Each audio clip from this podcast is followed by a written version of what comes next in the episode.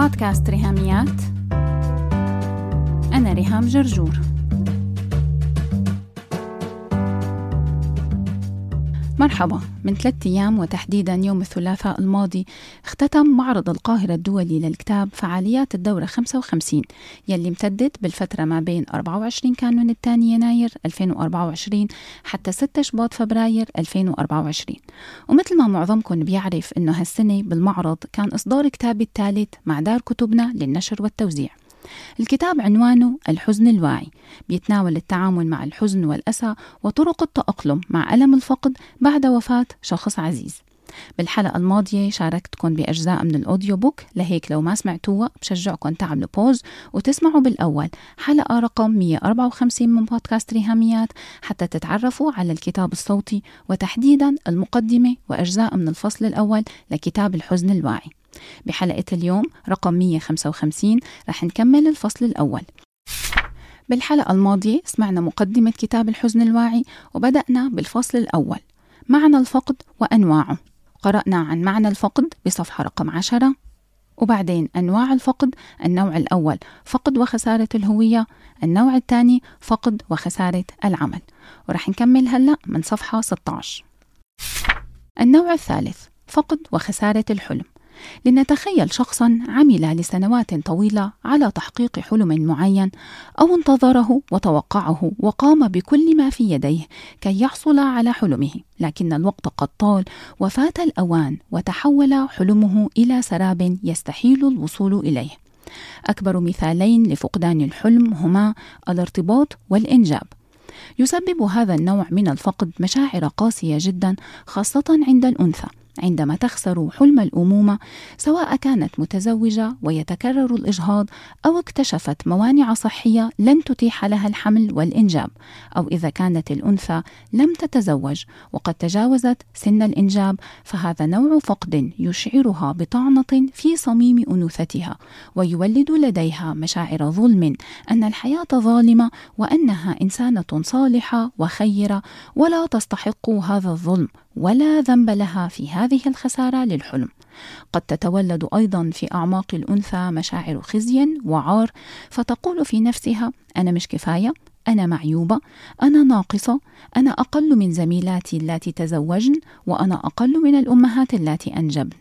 تقودها هذه المشاعر إلى الانغماس في الوحدة حتى وإن بدت في الظاهر شخصية اجتماعية ومنطلقة ومتصالحة مع حياتها لكنها في أعماقها تشعر بوحدة فظيعة مع خزي وعار دفين. قد تقرر أن تحول حزنها إلى طاقة عمل وتركز على التقدم في عملها وتترقى في وظيفتها أو تقرر إنشاء مشروع خاص بها وتدخل مجال ريادة الأعمال أو تقرر إتمام دراستها فتحصل على شهادة عليا. لكن يبقى ألم الفقد وحزن خسارة الحلم له أثر على صحتها النفسية. فقد تقضي أوقاتا طويلة وهي تتخيل كيف كان من الممكن لحياتها أن تختلف لو كان حلمها تحقق لو كانت ارتبطت أو لو كانت أنجبت. لذا يجب على الأنثى أن تكون واعية لحساسية هذا النوع من الفقد والخسارة فتراعي حزنها وأساها لكي تمشي خطوات في التعافي وتعزيز صحتها النفسية. النوع الرابع فقد وخسارة التوقعات. في الغالب لا نعي أننا كنا نمتلك هذه التوقعات من قبل إلى أن تأتي ظروف معينة تتسبب لنا بصدمة مع الواقع فنجده واقعا مختلفا عما كان في أذهاننا ونكتشف أننا كنا نختزن توقعات مختلفة تماما عما نعيشه. يتوقع العريس أن تكون زوجته في أبهى صورها بشكل دائم طيلة اليوم وكل أيام الأسبوع ليكتشف أن الواقع مختلف تماما. فزوجته ستعاني من الإنهاك من أعباء المنزل وبعد الإنجاب سيختلف شكل جسمها وستعطي الأولوية للرضيع تمنحه وقتها وطاقتها. قد تتوقع العروس أن الارتباط هو دباديب وقلوب متطايرة وأنها سوف تقضي ساعات إعداد الطعام في المطبخ برفقة عريسها وهما يتراشقان بالدقيق الأبيض وتتعالى الضحكات لكنها اكتشفت أن الزواج ينطوي على خلافات ومشاجرات وطرق مسدودة للتفاهم والغفران وجاءتها الصدمة من تدخل الأهل وتعقيدات العلاقة بصورة مختلفة كل الاختلاف عما كان في مخيلتها والصورة التي يقدمها الناس وتشاركها صديقاتها على ال social media. كانت الأم تظن أن الأمومة بعد الإنجاب هي أعياد ميلاد وابتسامات وضحكات العائلة السعيدة في جلسة تصوير مثالية. لتكتشف صعوبة السهر ليال طوال في رعاية طفل مريض. وتفاصيل المدارس والواجبات الدراسية والأعباء المادية التي تثقل كاهل الأهل ناهيك عن مشاكل الصداقات في المدرسة والنادي فيتعرض أطفالها إلى الأذى الجسدي والنفسي وسنة وراء الأخرى.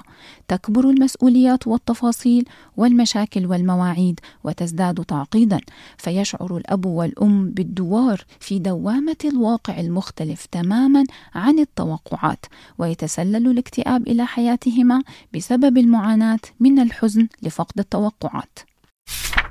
النوع الخامس فقد وخسارة الأمان أو التحكم. هذا النوع رأيناه بكثرة خلال أزمة كورونا وهو النوع الأشهر الذي نختبره بعد الكوارث الكبيرة مثل زلزال سوريا وتركيا ومثل زلزال المغرب وفيضانات ليبيا. كما نختبر فقد وخسارة الأمان بعد صدمة نفسية أي تروما وهي تحدث إثر إيذاء مثل الاعتداء الجنسي أو التعرض للضرب والتعنيف الجسدي من قبل أحد الوالدين أو شريك الحياة. كما أن هناك خسارة الأمان بسبب العجز وبسبب الاعتماد على آخرين. عندما نكون في السابق نتمتع بالاستقلالية في أمور نحن قادرون على القيام بها بمفردنا. لكن لسبب ما فقدنا هذا التحكم.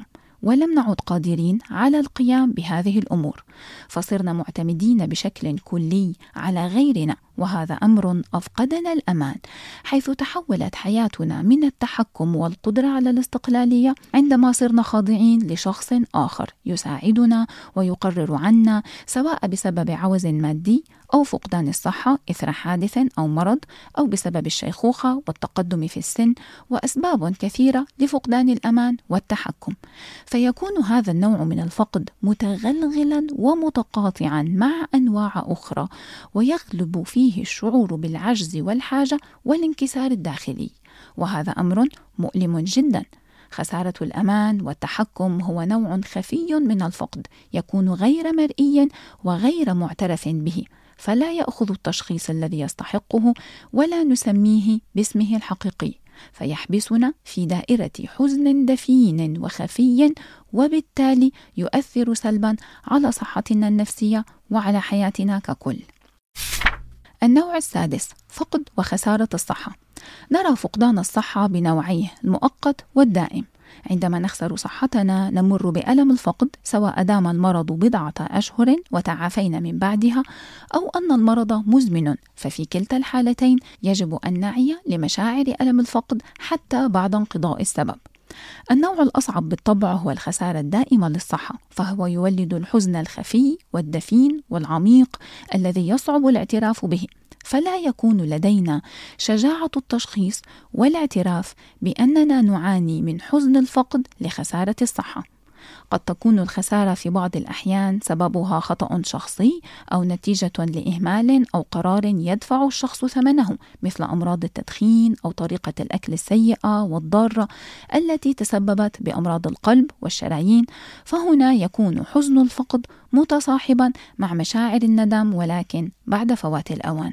تتعدد أمثلة الفقد بعد خسارة الصحة وتمتد على طول طيف واسع ابتداء من أمراض الضغط والسكر إلى أمور معقدة مثل بتر الأعضاء أو الشلل أو مرض السرطان وغيرها من الأمراض التي يكون بعضها بسبب السن والشيخوخة أو بعضها له أسباب وراثية وبعضها الآخر يصيبنا بمحض الصدفة ويقلب حياتنا بالكامل وهذا ما يقودنا إلى الحديث عن النوع التالي من الفقد وهو خسارة أسلوب الحياة.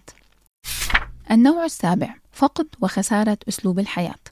تتعدد أسباب خسارة أسلوب الحياة فمن ضمنها خسارة الصحة كما ذكرنا في المقطع السابق لكن الأسباب تشمل أيضا الحروب أو الإرهاب الذي يضطر الناس للهجرة أو التهجير سواء الطوعي أو القصري. فيلجأ الناس إلى الغربة أو يتحولون إلى لاجئين وفي كلتا الحالتين هناك خسارة للبلد.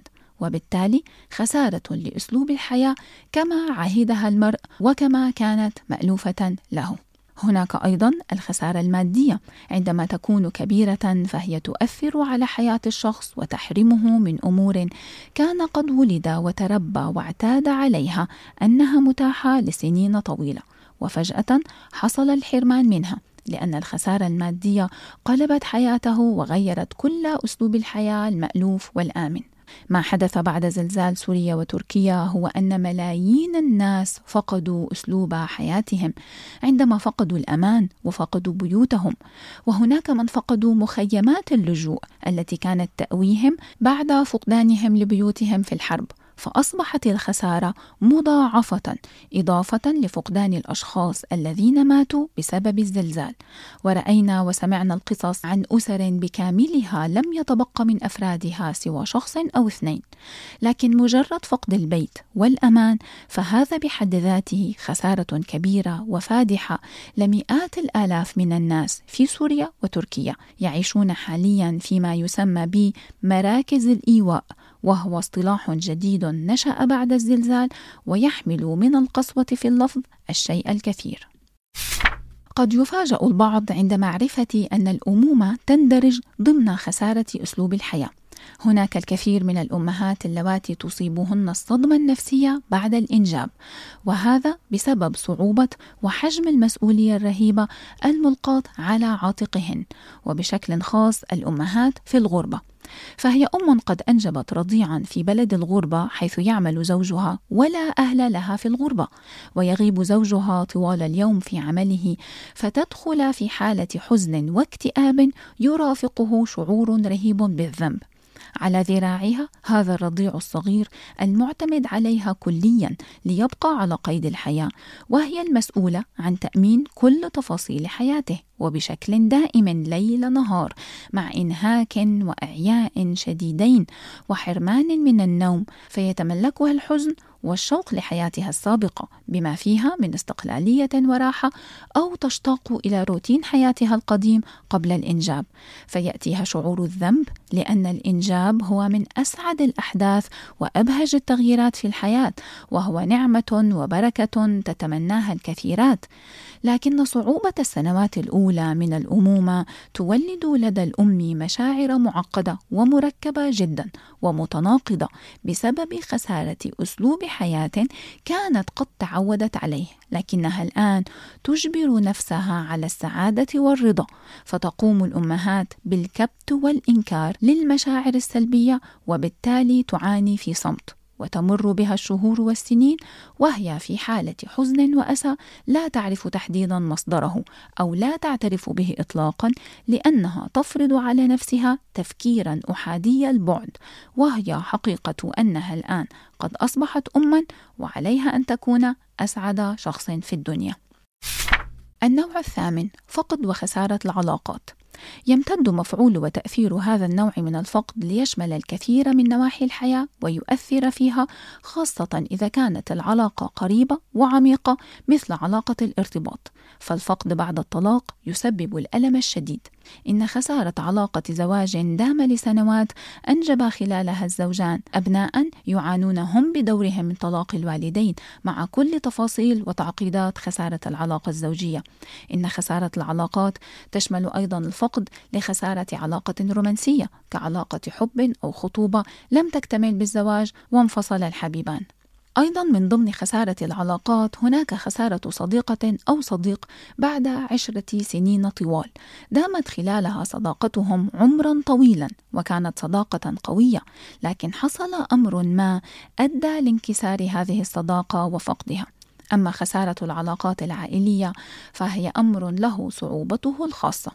يحدث هذا الفقد بسبب خلاف أو قطيعة. قد يختلف الإخوة وتنقطع ما بينهم العلاقة والتواصل فيخسر الأخ أخته بسبب خلاف على إرث أو بسبب شركاء حياتهم. فنرى الأخ لا يكلم أخاه بسبب خلاف بين زوجة هذا وزوجة ذاك. تسببت الزوجتان في خلافات أسرية قطعت علاقة الإخوة. أو أن تتزوج الابنة من عريس تحبه لكن لا يرضى عنه أهلها فتنقطع العلاقة بين الأب وابنته أو بين الأم وابنها بسبب خلاف حول خيارات الأبناء في الارتباط والزواج من شخص معين. إن ألم الفقد لأي علاقة قوية يولد مشاعر حزن وجرح ووحدة وقد يصاحب ذلك أيضا شعور بالخيانة أو شعور بالندم والذنب. حتى وإن كانت العلاقة يجب أن تنتهي مثل فك الخطوبة مع شخص مؤذن أو الطلاق من زوج عنيف وكان القرار الحكيم هو إنهاء العلاقة وهو قرار صائب على المدى البعيد إلا أننا يجب أن نعي ونفهم ونقدر صعوبة المشاعر والحزن المرتبط بخسارة العلاقات مهما كانت طريقة الخسارة أو السبب الذي أدى إلى فقد تلك العلاقة. النوع التاسع فقد وخسارة حيوان أليف. يعتقد البعض أن هذا النوع لا يستحق الذكر، ولكن كل من جرب فقد الحيوان الأليف سواء كان الحيوان الذي نفق هو كلب أو قطة فإن أصحاب الكلب أو القطة هم أقدر الناس على فهم ألم هذا النوع من الفقدان. حتى وإن كنت أنا شخصيا كمتخصصة في الحزن ومؤلفة هذا الكتاب لا أمتلك أي حيوانات أليفة فأنا أنحي جانبا رأيي وموقفي الشخصي وأفهم تماما ما يمر به أصحاب الحيوانات الأليفة عند فقدان كلب أو قطة تربى في بيتهم وكان جزءا من حياتهم اليومية لسنوات طوال تعودوا على طباعه وعلى وجوده وعلى تفاصيل الحياة معه. فبعد أن ينفق سوف يمرون في حالة حزن وأسى وسيشعرون بألم ما بعد الفقد. وفي حالات كثيرة يكون الحزن بعد فقد حيوان أليف هو بنفس شدة الحزن بعد فقد شخص عزيز مات.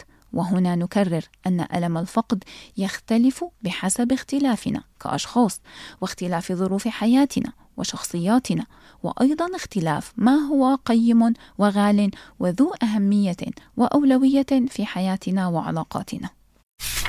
النوع العاشر فقد وخسارة إنسان. هذا ليس نوعا من أنواع الفقد بل هو فجيعة قائمة بحد ذاتها. لا يمكن مقارنتها مع أي من الأمثلة التسعة السابقة. ويشمل فقد وخسارة الإنسان أي إنسان مهما بلغ من العمر بما في ذلك فقد الأجنة. وهو أمر كثيرا ما نهمشه ونقول للحامل التي فقدت جنينا في بطنها أن عليها ألا تحزن. ولكن إذا سألنا أي أم فسوف تخبرنا كم ملاكا لها في السماء. فهي لا تنسى كم مرة حصل معها إجهاض سواء مرة واحدة أو عدة مرات. فهي تتذكرها كلها بكل تفاصيلها. يضاف إلى فقد الأجنة ولادة جنين ميت أو حدوث الوفاة أثناء الولادة. وهذا ما يسمى بالإنجليزية stillbirth قد يحدث أن يموت الجنين داخل الرحم ومن ثم يتم تحفيز الطلق induction كي تتم ولادة الجنين الميت ولادة طبيعية أو بعملية قيصرية. وهناك الوفاة التي تحصل أثناء الولادة نفسها أو بعد الولادة بقليل وطبعا وفاة الأطفال الخدج في الحضانات. وإلى ما هنالك من مراحل عمرية مبكرة ما بعد الولادة يحدث فيها خسارة لرضيع أو طفل فكلها تندرج ضمن خسارة وفقد إنسان. سنتكلم بأكثر استفاضة عن فقد الأشخاص خلال كافة فصول الكتاب فهذا النوع من الفقد هو ما سيركز عليه الكتاب في غالبية أجزائه. ولكن النصائح والتدريبات تنطبق على كل أنواع الفقد والخسارة ويمكننا الاستعانة بها في مواجهة الحزن وألم الفقد بكافة أشكاله. مع العلم بأنه تم تغيير معظم الأسماء وبعض تفاصيل الحالات المذكورة في أمثلة الفقد المتعلقة بحزن وأسى ما بعد موت شخص عزيز وذلك حفاظا على الخصوصية سواء كانت الأمثلة من واقع حياتي الشخصية ككاتبة أو من دوائر الأسرة والأصدقاء أو أنها من حالات المشهورة والعلاج النفسي في المكتب أو حالات طرحها المشاركون والمشاركات في الندوات والمؤتمرات التي أقدمها داخل مصر وخارجها. فهي أمثلة من مجتمعاتنا العربية ومن واقعنا الشرقي لكنني قمت بتغيير الأسماء والتفاصيل للضرورة.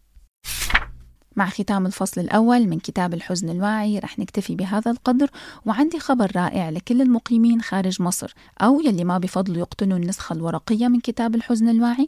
إنكم تتابعوا حسابات بودكاست ريهاميات على فيسبوك وإنستغرام. رح نزل علي الإعلان فورا أول ما أعرف من دار كتبنا للنشر والتوزيع إنه هني مشكورين. حطوا النسخة الرقمية متاحة للشراء على أمازون كندل وكمان على تطبيق أبجد. ومع notes هالحلقة بتلاقوا link لفيديوهات يوتيوب شاركتكم فيها بجولتي. في معرض القاهرة الدولي للكتاب فيها ترشيحات الكتب المفضلة عندي وقريتهم مؤخرا وكمان لمحات عن إصداراتي الثلاثة موسوعة نايا والصبايا وكتاب Digital Detox وكتاب الحزن الواعي. بتمنى من قلبي انكم تشوفوا الجزء الأول تحديدا مدته 8 دقايق ورح يكون ممتع ومفيد إن شاء الله.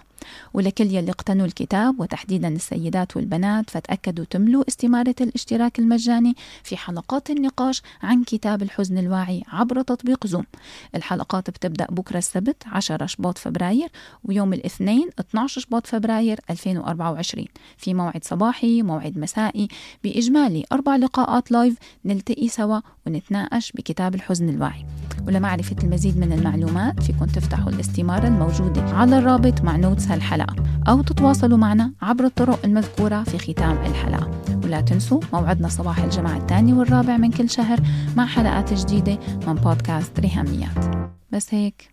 لو عجبتكم الحلقة لا تنسوا تشاركوها على ال social media حتى ناس أكثر تستفيد. تقدروا تتواصلوا معي عبر الموقع الإلكتروني لبودكاست ريهاميات www.rihamiat.com أو تبعتوا لي إيميل على ريهاميات at gmail.com أو message واتساب على الرقم 020 12 79 709 719 وعلى الفيسبوك دايما تابعوا صفحة وهاشتاج ريهاميات. سلامات.